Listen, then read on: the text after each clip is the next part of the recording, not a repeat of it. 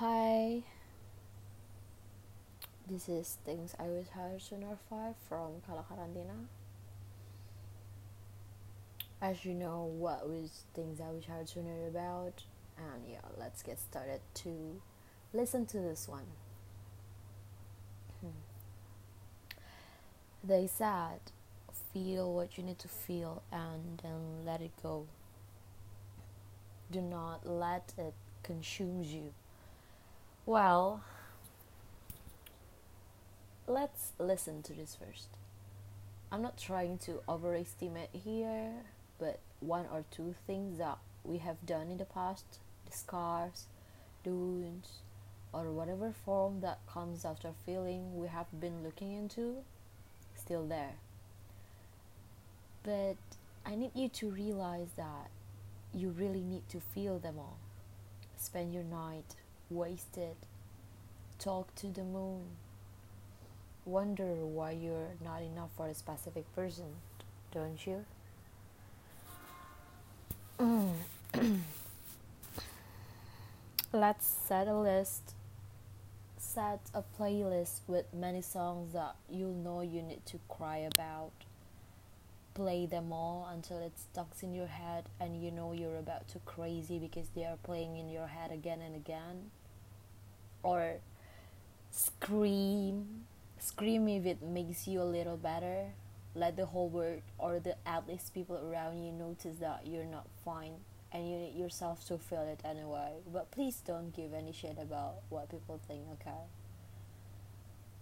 okay or take your pillow punch them over and over again let the pillow know that you're about to heal after the company your sleepless night and weavy teary eyes. Punch them as it makes you feel the anger, sadness, disappointment within you is about to release. Write. Write everything. I mean, every damn thing in your head. Whatever. Put the F it's fine or just do a simple or ratchet line it's totally okay or a sketch a person then put it into a stroke scribble or whatever type of lining you're gonna make. Then see it in two weeks. It makes you feel better. You can smile again you sleep seven hours per day you finish your gym class you eat properly you take a shower, or even you buy yourself a flower. But then, all of a sudden, the night hits you again. The bed feels too lonely to sleep, then you're gonna overthink again. You're craving for that specific person. Again, you're questioning why you're not enough for them. You're hiding because feelings keep drifting you apart. Then you feel sad again. You feel all disappointments and anger within you. Again, you feel the whole world against you, and the universe doesn't allow happiness to come to you. Well, in this part, you need to realize that healing process is messy. It is messy. One day you feel super fine.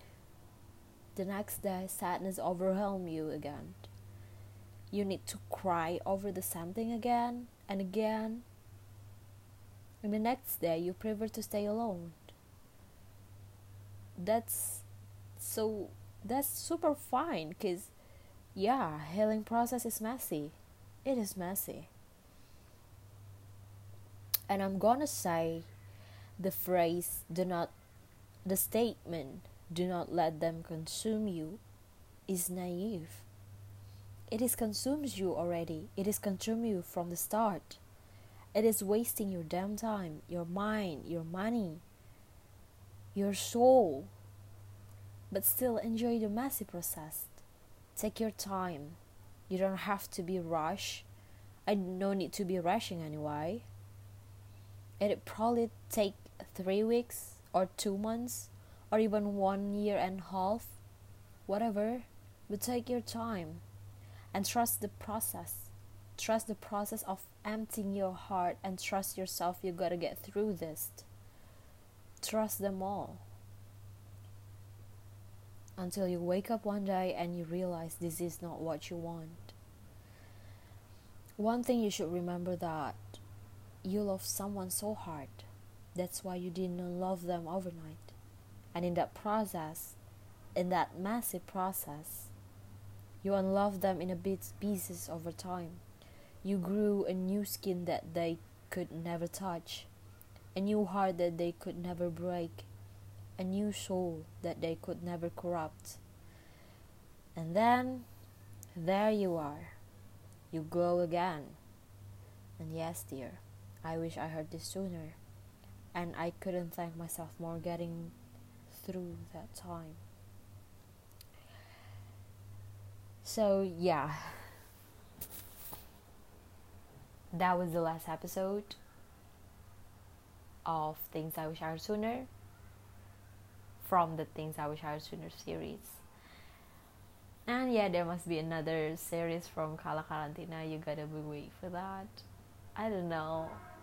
Probably I'm gonna need several suggestions from you guys since you always support me and listen to Kala Karantina. And thank you for this.